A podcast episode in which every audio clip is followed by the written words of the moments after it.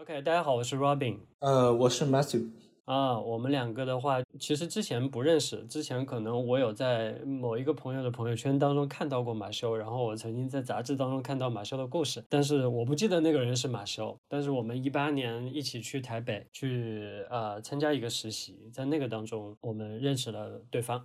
因为我之前的身份和从台湾回来的身份，其实都是一个培训机构的英文老师。然后业余的时间会在同志的机构里面去做一些活动，嗯，就是完全凭自己的兴趣，比如说做一点什么英语角啊什么的，所以可能跟呃你的那个当时的整个人的状态是不一样的。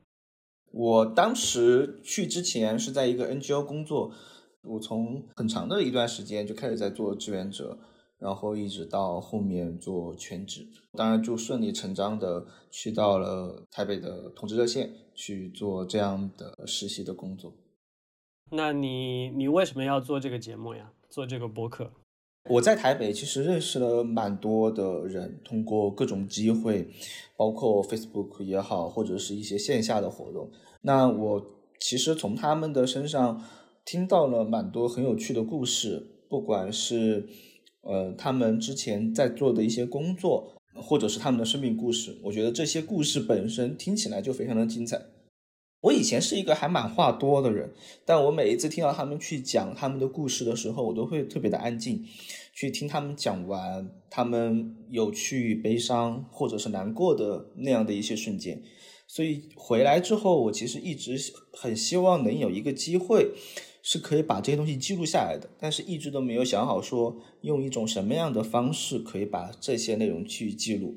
所以当 Robin 和我提到，哎，我们可以用 Podcast 这种形式的时候，我觉得，嗯，它未尝不可以是一种很好的方式。对，所以就开始尝试的去做这个节目。你呢？我因为听播客应该有超过五年吧，从第一个 iPhone 五 S 开始。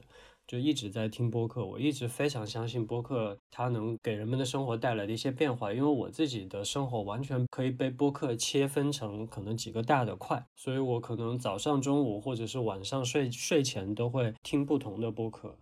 嗯，所以我我我是非常相信播客它能够给大家传递什么东西。因为播客又是一个非常个人化、个性化的东西，就是它叫独立电台嘛。那独立电台就是，那我想去讲什么样的故事，我可能就可以去讲什么样的故事。那我另外一个感觉就是，我想讲的故事可能很多都会跟马修是重合的，因为在台北我们是共同在经历这个东西，所以那伙伴就不需要考虑，肯定是需要找你，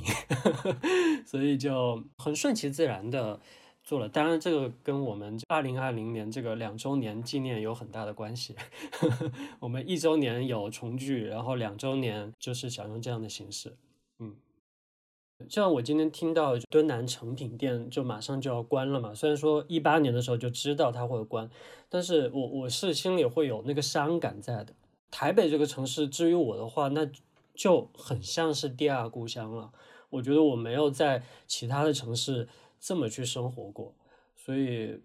所以你说那个体验它会变，但是那个感动它变不了，它就一直在那里。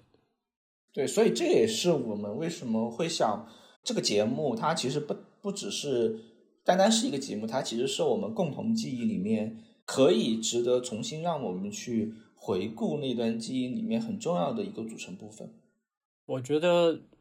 用这样的形式，就是相当于我最心爱的形式去做一个纪念，我真的觉得这又是一个礼物。就是当然这个当中，就是还是蛮谢谢我们，就是说实话，做这个节目最开始的一个想的就是说，嗯，要不要做同婚一周年，以这个为开启这个节目，也确实是我们之前的一个朋友提出来的。虽然说他就这么随口一说，但我觉得。就是让所有所有之前我们心中的某一些想法就开始开启了一些东西，然后还挺好的，我觉得，而且用这种方式让我们两个人去合作去做一件事情，我也觉得挺好的。好，这就是为什么我们要去做这个播客节目。那从五月十七号晚上的七点开始，你都可以在各大音频平台和泛用型播客客户端收听我们的节目，如苹果 Podcast、网易云音乐、喜马拉雅 FM、荔枝 FM、你也可以通过微信公众号“成都彩虹”还有“台北同志生活日志”找到我们，搜索“来自台北的灵感”就可以了。也同时欢迎您与我们交流，我们的邮箱是 from taipei at gmail dot com。这是播客来自台北的灵感，讲述对岸的一座城、一群人。我们以后每周日晚七点见。